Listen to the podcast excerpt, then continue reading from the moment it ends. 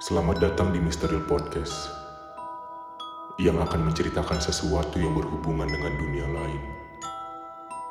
Sebelum podcast ini dimulai, pastikan kalian mematikan lampu, pakai headset dan besarkan volume. Tarik selimut dan jangan lihat ke atas lemari. Karena makhluk itu sedang mengawasimu di sana. And this is Mystery Podcast.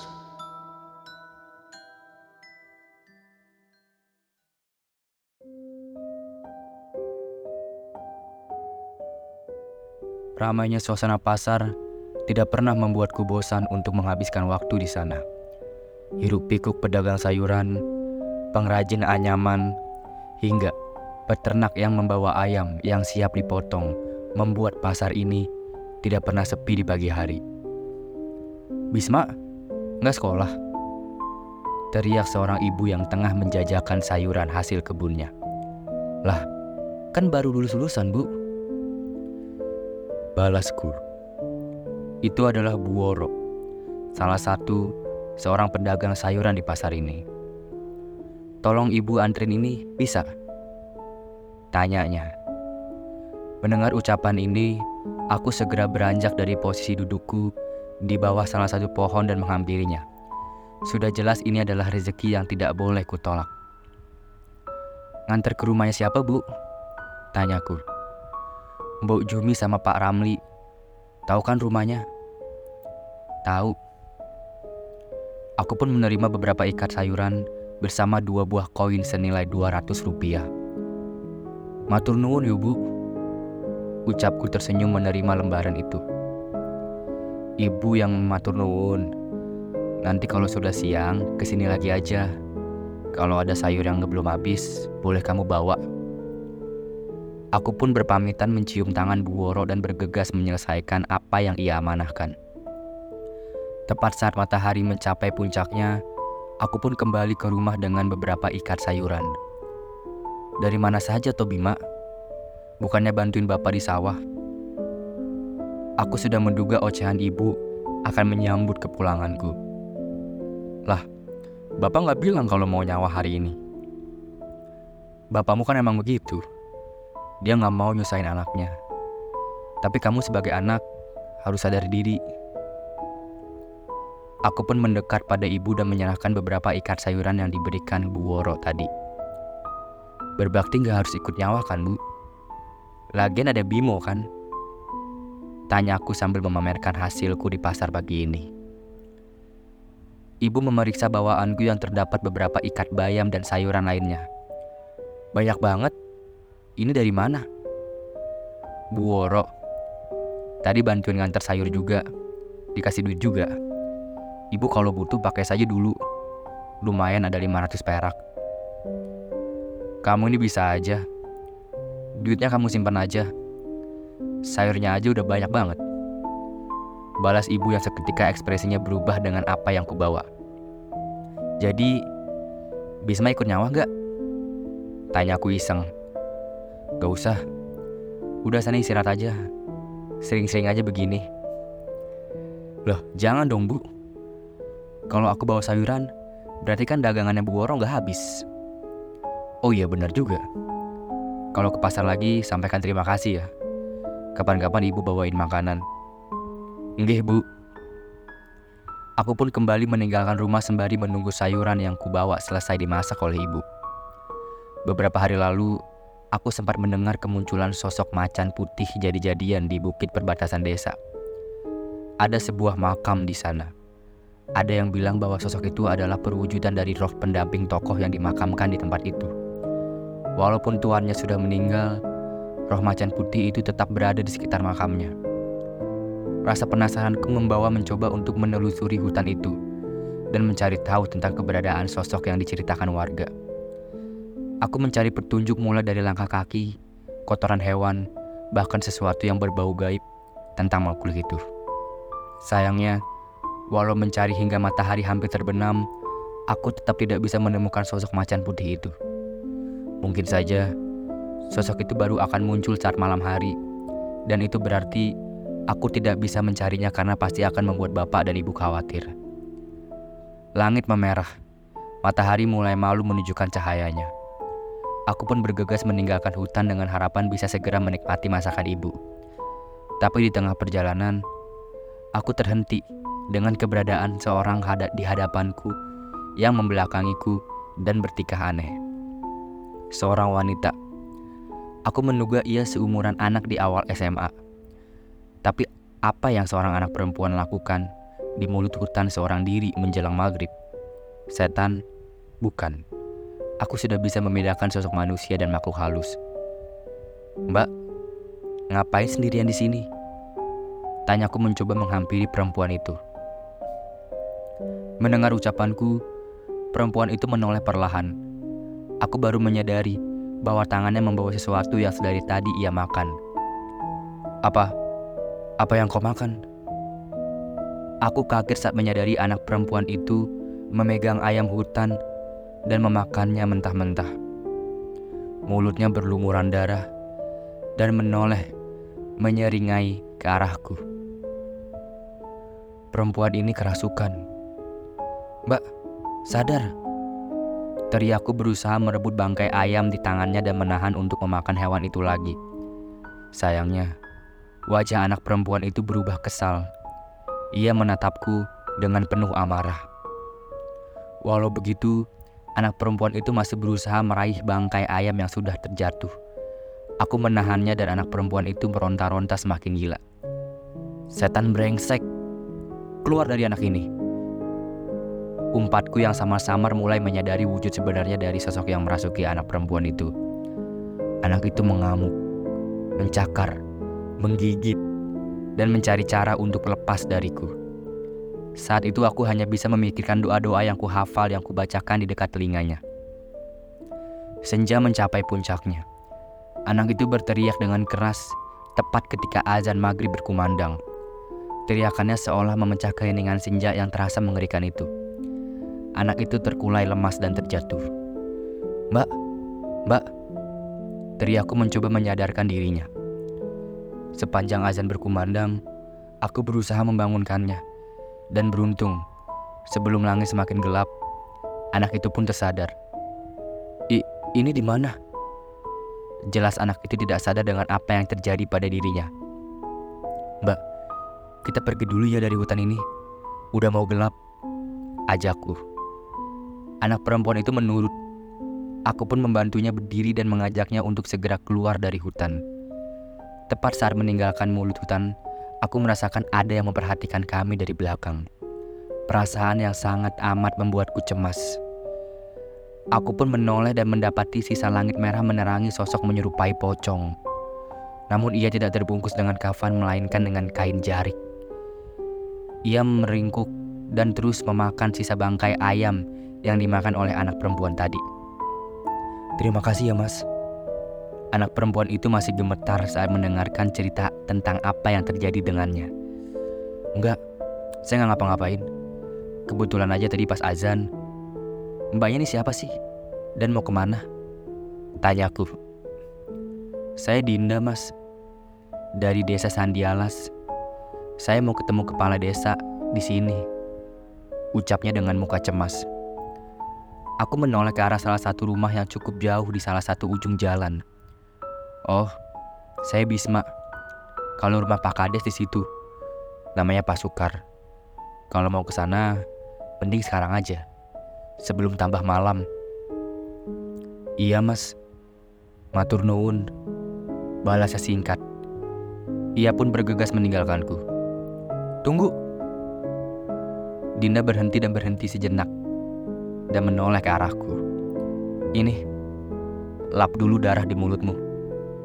Pak Kades pasti kaget kalau ngelihat kamu dengan wajah begitu. Ucapku sembari memberikan sebuah handuk kecil yang sering kubawa. I iya, terima kasih. Dinda terlihat malu-malu dan segera berjalan dengan sedikit cepat meninggalkanku. Eh, Din. Dinda. Belum sempat aku memanggilnya, ia sudah berjalan semakin jauh dan meninggalkanku. Maksudnya, handuknya tuh dipakai buat ngelap di sini aja jangan dibawa gumamku ya wes lah amal aku pun bergegas kembali ke rumah sebelum bapak dan ibu khawatir. Dari mana pulang malam-malam? Tanya ibu menyambutku. Main ke hutan sebentar, Bu. Tapi keluar sebelum gelap kok. Ya udah, cepat mandi. Tanpa banyak bicara, aku pun menuruti perintah ibu. Tapi saat melintas, aku melihat adikku Bimo menatapku dengan sedikit berbeda. Mas, bener dari hutan. Habis ngapain? Tanya Bimo. Jalan-jalan nyari burung. Kenapa toh? Enggak, enggak apa-apa. Kayak ada yang beda aja. Balasnya. Aku mengernyitkan dahi dan memutuskan untuk tidak mempedulikan ucapan Bimo dan untuk segera mandi. Bimo sama sepertiku. Ia juga peka terhadap hal goib. Tapi bedanya, ia memiliki bakat lebih kuat soal itu. Sesampai di sumur, aku melihat sudah ada air yang terisi di tempayan. Aku yakin Bapak pasti menyediakan air ini untukku setelah ia selesai mandi. Dalam hati, aku merasa berterima kasih walaupun Bapak jarang bicara dengan anak-anaknya. Tapi selalu ada hal-hal kecil yang ia lakukan yang kami tahu bahwa itu adalah perwujudan rasa sayangnya terhadap kami. Masmu bau bawa sayuran, kamu bawa ikan. Makan mewah kita. Ucap ibu yang menghidangkan masakan yang sebenarnya sudah siap dari tadi sore. Beruntung malam itu aku bisa pulang tepat waktu sehingga bisa menikmati makan malam bersama bapak, ibu, dan Bimo. Bisma, kamu kapan mau ketemu Eyang? Tanya bapak membuka pembicaraan. Kalau sempet aja pak, nggak buru-buru kan? Balasku. Yonda, tapi eyang-eyangmu itu yang terus nanyain. Bapak ini nggak kayak kalian berdua yang peka sama hal-hal gaib. Jadi kalau ada sesuatu yang diturunkan, pasti ke kalian. Terutama kamu, Bisma. Ucap Bapak. Bima mendekatkan wajahnya padaku dan berbisik. Katanya mau dikasih pusaka. Aku melirik pada Bapak dan membalas ucapan Bimo. Buat kamu aja. Aku malas ngurusin pusaka. Tiba-tiba terdengar suara bapak menjatuhkan sendoknya di piring. Aku pun kaget dan berbalik ke posisiku. Kami pun menyelesaikan makan dan membantu ibu membereskan peralatan makan. Malam itu, aku memutuskan untuk istirahat lebih cepat. Kejadian di hutan tadi membuatku terlalu banyak berpikir dan merasa lelah. Suara rintik hujan terdengar mulai jatuh seolah memang sengaja ditakdirkan untuk menemani tidurku. Bruk. Tiba-tiba aku terbangun dengan suara benda terjatuh. Aku menoleh ke sekitar, namun tidak ada tanda-tanda benda besar yang jatuh di kamar. Aku menduga suara itu berasal dari luar dan memilih untuk mencoba tidur lagi. Tiba-tiba, dadaku terasa berat. Aku merasa ada sesuatu yang menimpa dadaku dan menggeliat dengan aneh. Sakit. Rasanya seperti ada yang menimpaku dan semakin berat. Aku pun membuka mata dan mendapati sosok makhluk yang berada di hutan tadi berada di atas tubuhku. Pocong yang terbungkus kain jari. Se setan. Bapak. Aku memaksa berteriak. Namun suaraku serak dan tidak keluar seperti sebagaimana mestinya. Melihat raut wajahku, makhluk itu malah tertawa menyeringai dengan mulut yang dipenuhi darah. Pergi. Aku merontak dan menggedor semua benda yang ada di sekitarku. Bisma. Terlihat bapak menyadari ada yang aneh pada diriku dan Bimo menyusul segera jatuh terduduk. Sepertinya ia segera menyadari sesuatu. Se setan, Pak. Itu itu pocong. Wajah Bimo pucat. Walau ia sering melihat sosok gaib, mungkin ia belum pernah melihat sosok menyeramkan seperti makhluk ini. Ambilkan batang kelor di belakang. Perintah Bapak. Ibu segera berlari dan tanpa butuh waktu lama segera kembali dengan membawa batang kelor yang memang selalu disediakan Bapak di belakang. Setan sialan, jangan ganggu anakku. teriak bapak sambil mengayunkan batang itu ke sisi kamarku. Aku dan Bimo melihat bapak sembari terpaku dan menelan ludah. Pak, bapak! Bimo terus berteriak dengan wajah paniknya. Pergi setan sialan! Teriak bapak. Pak! Bimo semakin berteriak keras hingga akhirnya bapak menoleh sembari terengah-engah. Bapak ngapain? Tanya Bimo. Setannya udah pindah ke dekat jendela. Mendengar ucapan Bimo, wajah bapak berubah kecut. Ia pun mengarah ke, de ke dekat jendela dan mengayunkan tongkatnya lagi. Bapak memang seperti itu. Walau tidak bisa melihat sosok gaib seperti aku dan Bimo, ia selalu mengusahakan segala cara untuk menolongku dan Bimo bila berurusan dengan Dedemit. Udah pak, udah nggak ada, ucap Bimo. Aku pun menarik nafas dan merasakan bahwa aku sudah bisa bernafas dengan benar. Namun aku masih merasa tubuhku cukup lemah. Gimana le? Udah pergi setannya? Ucap ibu khawatir. Udah bu, udah nggak apa-apa. Balasku tak ingin membuat ibu khawatir. Bapak pun menanyakan apa yang sebenarnya terjadi. Bagaimana sampai ada demit yang mengikutiku hingga ke rumah. Aku pun menceritakan saat bertemu dengan Dinda yang tengah kerasukan dan memakan ayam hutan hidup-hidup. Aku membantu menyadarkannya dan tertolong dengan suara azan yang berkumandang. Sayangnya, aku memang tidak menyangka bahwa pocong itu akan mengikutiku. Sekarang di mana anak perempuan itu? Tanya bapak. Seharusnya ke rumah kepala desa, Pak. Bapak menghela nafas sesaat. Ibu mengelus pundak bapak seolah memberi isyarat untuk tidak usah ikut campur dengan urusan Dinda. Bimo, kamu tidur di sini ya. Temenin masmu. Perintah bapak. Iya pak. Tenang Mo. Aku ndak ngorok. Balasku sembari mengatur nafasku. Dengan ditemani oleh Bimo, aku pun bisa tertidur dengan tenang tanpa takut dengan kemunculan pocong aneh itu lagi. Namun jauh di dalam pikiranku, aku masih penasaran. Masalah apa yang dihadapi oleh Dinda hingga ia diikuti oleh pocong berkain jarik itu. Pagi sudah terlewat saat aku terbangun. Matahari sudah begitu terik. Aku pun bergegas bangun dan dari tidurku menuju sumur untuk mandi dengan cepat. Bu, udah siang kok nggak dibangunin? Protesku. Loh, Kan semalam kamu habis ketindihan. Takutnya belum pulih. Benar juga. Aku juga merasakan beberapa bagian tubuhku begitu lemas. Tapi aku tidak mau memikirkannya. Semoga saja setelah mandi, aku bisa merasa lebih segar. Bisa pergi ke pasar ya, Bu. Pamitku. Jangan lupa salam buat Bu Woro. Aku mengenakan kasut kumalku dan bergegas meninggalkan rumah. Bila terlalu siang, aku bisa saja kehilangan kesempatan untuk mendapatkan rupiah dari Bu Woro atau pedagang pasar lain.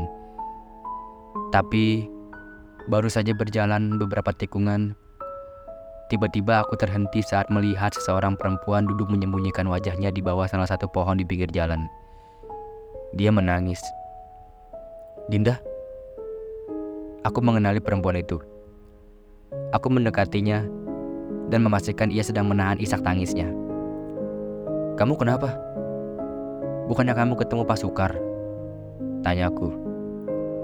Dinda mengangguk, tapi ia masih belum berkata apa pun. Kak, kamu jangan bilang kamu bermalam di sini. Dinda tidak menjawab.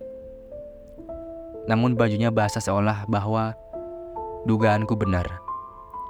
Awas sakit, Aku mencopot surjan yang kugunakan sebagai luaran dan memakaikannya kepada Dinda. Makasih mas.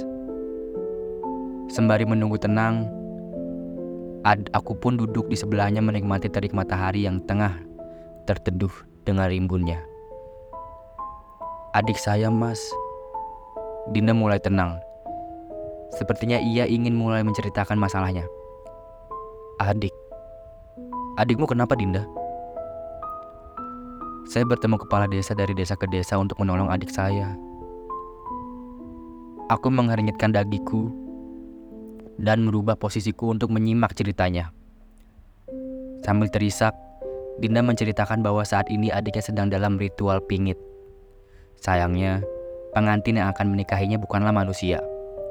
Warga desa percaya bahwa desa Sandialas memiliki penguasa alam goib. Dialah yang menguasai desa dan hutan sekitarnya. Warga menyebutnya dengan nama Ndoro Kantur. Dinda berpendapat bahwa warga setengah memuja sosok itu dan selalu melakukan ritual rutin untuk memberi seserahan setiap waktu-waktu tertentu. Tapi ada satu yang paling mengerikan. Setiap 10 tahun sekali, warga desa diminta mempersembahkan seorang pengantin untuk Ndoro Kantur. Perempuan itu dipilih dengan menjatuhkan wangsit berupa weton dan tanggal. Ndoro Kantur sendiri adalah bahu Rekso yang dipercaya oleh warga desa Sandiala sebagai sosok yang menjaga desa dan memberi berkah untuk setiap hasil tanah mereka. Siapa pun yang terpilih, entah itu perempuan dewasa atau anak-anak, harus serahkan pada Ndoro Kantur untuk dinikahkan dengannya. Kali ini yang terpilih adalah Nuri, adik dari Dinda yang masih duduk di bangku SMP. Pengantin demit. Masih ada hal begituan? Tanyaku. Iya mas, adikku yang jadi korban. Terus, Pak Sukar gimana? Dinda menggeleng dan mulai menangis lagi. Bukan hanya Pak Sukar, hampir semua kepala desa menolak untuk membantu. Mereka semua tidak mau ikut campur dengan tradisi desa lain. Apalagi berhubungan dengan sosok Bahu Rekso. Aku pun menghela nafas. Wajar saja, sebagai seorang kepala desa, mereka pasti merasa bertanggung jawab pada warganya salah mengambil keputusan, bisa-bisa warga mereka ikut kena imbasnya. Ya sudah, bawa aku ke sana. Ke mana mas? Desaku. Iya, siapa tahu aku bisa membantu. Dinda menoleh ke arahku dengan tatapan bingung. Ya, tampangku gak kelihatan kayak orang yang bisa nolong kamu. Tapi daripada gak ada sama sekali kan? Ucapku. Aku tahu ibu dan bapak tidak akan mengizinkan aku bila pamit untuk ke desa Dinda. Aku pun berpamitan dengan menulis pada sebuah kertas dan meninggalkannya di amben depan rumah. Enggak apa-apa mas, enggak pamit. Enggak apa-apa, mereka akan mengerti kok. Kami pun berjalan kaki menuju desa Dinda yang katanya berjarak dua jam dari desaku. Sepanjang perjalanan, Dinda menceritakan bagaimana Nuri dikurung di sebuah rumah hingga sosok-sosok pocong yang menjaga di setiap sudut rumah. Sesepuh desamu sudah keterlaluan, ucapku. Iya mas, aku benar-benar gak tahu harus berbuat apa. Aku tahu kami akan melalui perjalanan malam. Berkaca dari kejadian kemarin, aku pun sudah bersiap membawa batang dan akar-akar daun kelor serta beberapa benda yang sering kami gunakan untuk melawan demit. Terlebih, aku harus bersiap bila terjadi hal yang sama pada Dinda seperti kemarin. Ini, sambil perjalanan, kamu baca-baca ini ya. Ucapku sembari memberikan sebuah sobekan kertas dengan beberapa kalimat. Sang ireng, jeneng nguksa pangrekan. Sang ening, menang jati rasane. Lakune ora katon, pangrasane manusia. Bismillahirrahmanirrahim. Car mancur cahyaning Allah sungsum balung rasaning pangeran. Geti daging rasaning pangeran. Otot lamat-lamat rasaning pangeran. Kulit wulu rasaning pangeran. Ia ingun mancaring Allah. Ini apa mas? Tanya Dinda. Doa atau mantra. Sebuah permohonan pada yang maha kuasa untuk menyucikan dan memberkati diri kita agar terlindung dari hal buruk. Muksa Pangreksa, jawabku. Dinda mengerti. Sepanjang perjalanan, ketika mulai merasa tidak nyaman dengan gelap dan dinginnya malam, ia menggumamkan kalimat itu terus-menerus. Terlepas ia bisa melafalkannya dengan benar atau tidak, setidaknya sepanjang perjalanan malam ini pikirannya tidak kosong dan mengurangi kemungkinan pikirannya dikuasai oleh sosok jahat. Kami melintasi beberapa desa dan melalui beberapa hutan kecil untuk sampai di desa Sandialas. Jelas aku merasakan ada yang memantau Dinda dari jauh dan aku bisa memastikan bahwa sosok itu bukanlah manusia. Makhluk yang menasih kamu itu kiriman dari warga desamu. Tanyaku. Hah? Saya nggak tahu mas. Saya sendiri nggak tahu makhluk apa yang merasuki saya saat itu. Jawabnya polos. Aku mengangguk mengerti. Memang Dinda tidak melihat langsung sosok yang merasukinya. Makhluk itu malah memilih untuk menerorku seolah berniat memberi peringatan. Memangnya makhluk apa mas? Tanya Dinda penasaran. Saat itu, aku dan Dinda sedang melintasi hutan terakhir sebelum sampai ke desa Sandialas. Aku ingin menjawabnya, namun aku jelas merasakan bahwa makhluk itu berada di sekitar kita. Nanti saya ceritakan saat sudah sampai di desa ya. Dinda mengangguk mengerti. Namun niatku untuk menjaga suasana saat itu terhenti dengan pemandangan di depan kami. Pocong yang terbungkus kain jarik itu melayang melintas di depan kami. Baru saat ini aku melihatnya dengan jelas. Wajah busuk pocong itu adalah wajah kakek-kakek yang sangat tua. Hanya tersisa sedikit gigi yang menghitam dari mulut yang berlumuran darah. Wujud dan kehadirannya itu memastikan bahwa makhluk itu adalah sosok yang sangat berbahaya. Itu apa mas? Tanya Dinda yang lemah seketika saat melihat wujud itu. Jangan hiraukan, baca terus doa-doa itu. Jangan sampai kita lengah. Balasku. Tak jauh berbeda dengan Dinda, mulutku hanya bisa terus mengucapkan doa terus-menerus. Sementara itu, sosok pocong itu kembali muncul melintas di belakang kami yang memutari kami. Ia semakin mendekat, namun aku juga tahu bahwa doa-doa kami juga membuat sosok itu tidak nyaman. Seolah marah dengan perbuatan kami, Pocong itu menggeram, memamerkan wajah yang mengerikannya. Mas, gimana ini? Jangan gentar. Kalau dengan makhluk itu saja kita takut, kita tidak mungkin bisa menyelamatkan adikmu. Dinda mengerti. Dia benar-benar takut namun terlihat ia berusaha menunjukkan keberaniannya yang tersisa.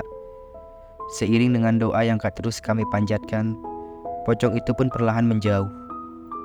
Aku tahu Makhluk itu tidak akan bisa berbuat banyak ketika kami tersadar dan berada di dalam perlindungan yang Maha Pencipta. Ingat ini, setan seperti itu tidak punya kuasa apa pun untuk menyakiti manusia bila manusia itu teguh pada Sang Pencipta. Dia membutuhkan perantara manusia untuk melakukan niatnya.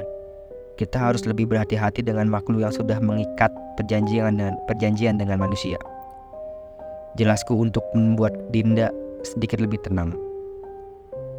Tapi pada kenyataannya, aku sendiri masih belum mengerti bagaimana bila aku harus menghadapi makhluk yang lebih dari pocong tadi di desa Dinda nanti. Malam sudah melewati puncaknya. Aku merasakan ketegangan perjalanan kami mulai memudar. Dinda menunjuk ke satu arah di mana cahaya-cahaya sudah mulai terlihat. Itu mas, desa Sandialas, ucap Dinda. Belum sempat kami memasuki desa itu, Aku dibuat kaget dengan arca-arca kecil berwujud gupolo yang terletak di pinggir-pinggir hutan yang mengapit jalan menuju desa itu. Tak hanya itu, gapura desa Sandialas pun terbuat dari batu dihiasi dengan relief layaknya candi-candi zaman dulu dengan sosok buto kala yang menjaga di atas gerbangnya. Mirip candi ya? Ucapku. Iya mas, memang ada beberapa candi kecil di sudut terdalam desa yang menyatu dengan hutan. Desa kami berdiri di atas tanah bekas kompleks keraton zaman dulu. Jelas Dinda. Aku tidak menyangka desa Sandialas masih seperti ini. Dilihat dari arsitektur dan dekorasi tiap rumah, mungkin mereka masih kental dengan kepercayaan zaman dahulu. Tapi peninggalan-peninggalan zaman dulu paling hanya berwujud batu-batu saja, Mas.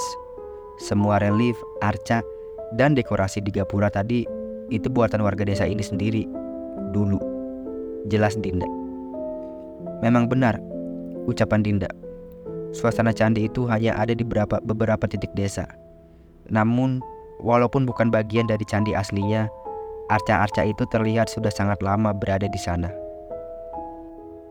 Di bangunan itu, Mas, ucap Dinda. Ada sebuah rumah kayu yang terpisah dari rumah-rumah tinggal warga. Bangunannya cukup kuno tapi dekorasinya terkesan cukup antik. Dinda ingin segera mengajakku ke sana. Namun dengan cepat, aku menahan dan menariknya. Jangan, ucapku. Aku merasa ada yang tidak biasa dengan bangunan itu. ada perasaan yang membuatku merinding bahkan membuatku takut. Padahal selama ini aku belum pernah setakut ini walaupun melihat demit seseram apa pun di desa.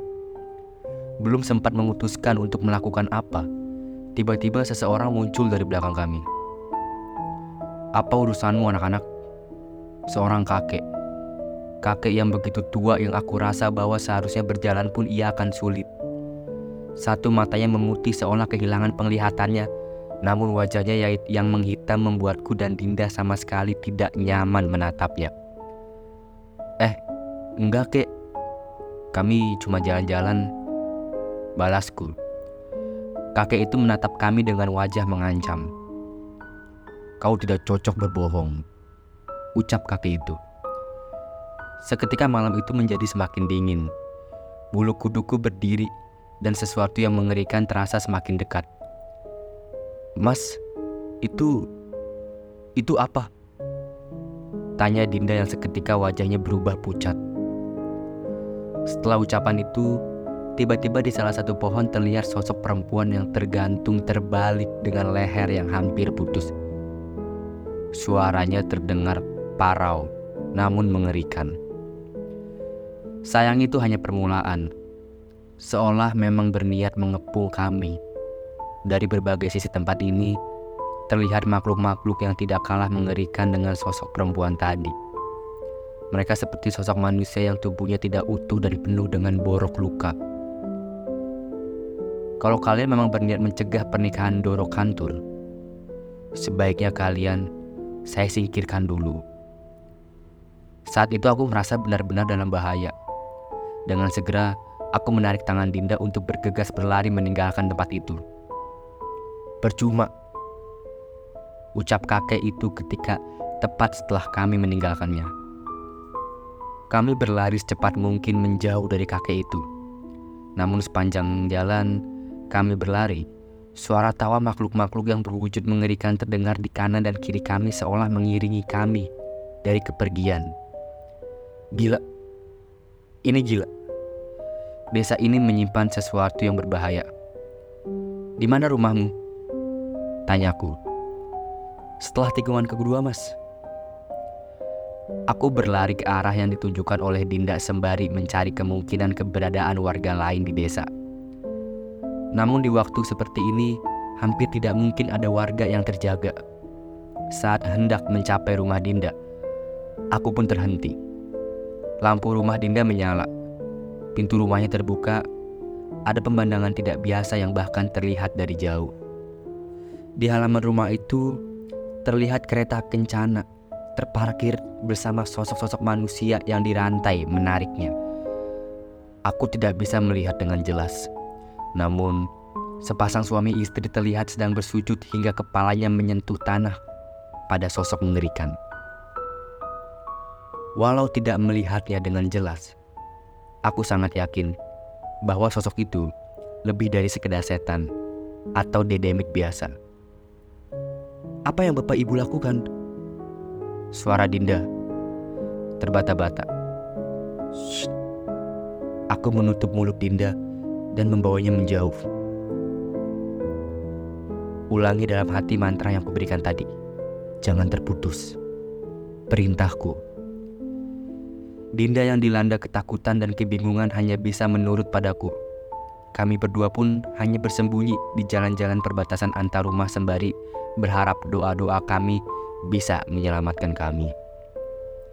Kereta kencana itu pergi. Setan-setan berwujud manusia menariknya dengan wajah dan tubuh penuh luka. Suaranya bukan seperti kereta kuda yang bergerak membunyikan loncengnya, namun lebih terdengar suara mengerikan dari rintihan-rintihan manusia yang menarik kereta itu. Mereka sudah pergi, ucapku. Aku mengajak Dinda kembali mengawasi rumahnya. Tapi Dinda tidak bergerak.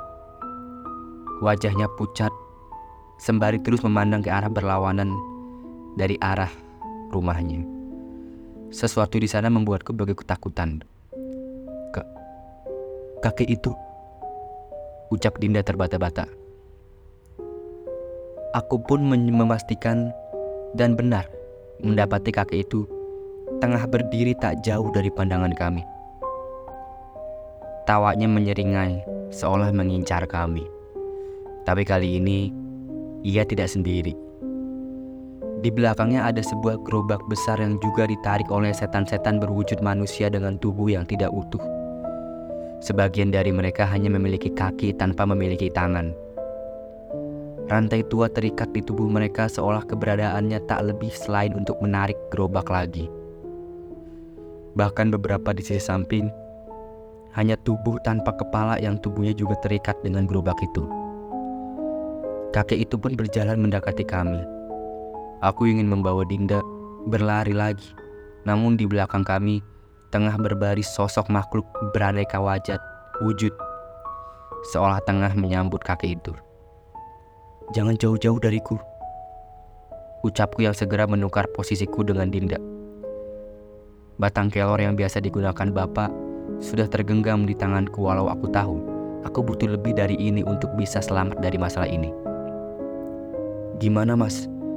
Gimana ini? Aku tidak menjawab pertanyaan Dinda. Namun seandainya cara-cara Bapak tidak mempan untuk menghentikan mereka, mungkin aku harus mencoba sesuatu yang pernah diajarkan oleh eyang-eyangku dulu. Batang kelor itu hanya ditakuti oleh setan-setan alas. Tenang saja, kalian tidak butuh itu. Ucap kakek itu. Aku tidak mengerti apa maksud ucapannya. Tapi tepat saat mereka mendekati, tiba-tiba kakek dan pengiring-pengiringnya, bahkan gerobak itu menembus kami berdua. Jelas kami bingung dengan apa yang terjadi. Terlebih, kami melihat kerbau yang aneh di dalam gerobak itu.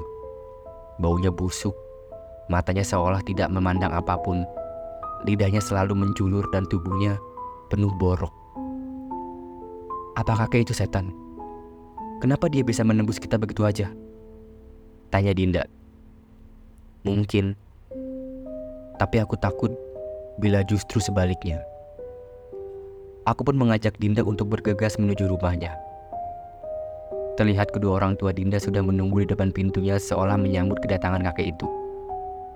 Bu, ibu. Dinda berteriak. Namun ibu Dinda seolah tidak mendengar apa pun. Bapak, Dinda pulang, Pak. Sial, aku tidak menduganya. Penyebab kami berdua bisa bisa melihat setan-setan ini bukan karena mereka menampakkan diri, tapi kakek setan itu mengirimkan kami ke alam goib. Aku beberapa kali mencoba menyentuh ayah dan ibu bunda, namun gagal. Dinda pun bingung. Ia tertunduk, menangis meratapi apa yang terjadi pada kami mati. Apa kita sudah mati? Tangis Dinda. Aku memperhatikan setiap bagian tubuhku dan mencoba mengerti tentang apa yang terjadi. Aku memang tidak tahu rasanya mati.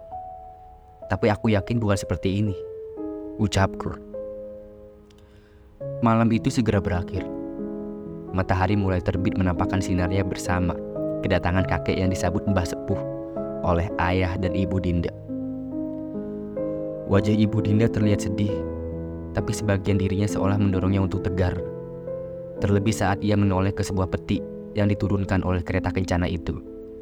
Sementara sang ayah terlihat lebih siap dengan semuanya. Apa tidak ada cara lain selain cara ini? Tanya ibu Dinda. Sejak dulu memang tidak ada cara lain. Sejak turun menurun, hanya Kiai Sungu Langkir dan leluhurnya yang menjadi perantara pernikahan ini. Aku tak henti-hentinya menggelengkan dan mendengarkan setiap perbincangan mereka. Semua yang mereka katakan benar-benar tidak masuk akal di dalam pikiranku. Nuri, enggak. Nur, Dinda menangis mendengarnya, namun tidak dengan kedua orang tuanya. Yang mereka perbincangkan begitu mengerikan Hari ini akan dilaksanakan sebuah ritual dan upacara pernikahan goib antara Nuri dan sosok Bahu Rekso, penguasa desa Sandi Alas. Ndoro Kantur. Dan layaknya sepasang mempelai, mereka harus melewati malam pertama. Dan malam pertama Nuri, seorang anak yang bahkan belum menjajakan umur yang pantas untuk menikah, harus rela tubuhnya dinikmati oleh sosok yang mengerikan. Ia harus bersetubuh dengan Kiai Sulangkir, Sosok kerbau hitam cacat yang sangat berbau busuk layaknya bangkai yang sudah terbusuk. Menjijikan, mengerikan. Entah kata-kata apa lagi yang terbayangkan di pikiranku dan sebegitu teganya, orang tuanya sendirilah yang menikahkan mereka. Tolong mas, tolongin Nuri. Ini terlalu kejam. Tangis Dinda. Benar, aku tidak boleh tinggal diam. Aku yakin ada yang bisa kulakukan untuk menolong Nuri. Entah mungkin dengan sesuatu yang berhubungan dengan peninggalan desa-desa ini, atau mungkin sesuatu yang berhubungan dengan garis darahku. Garis darah Sambara.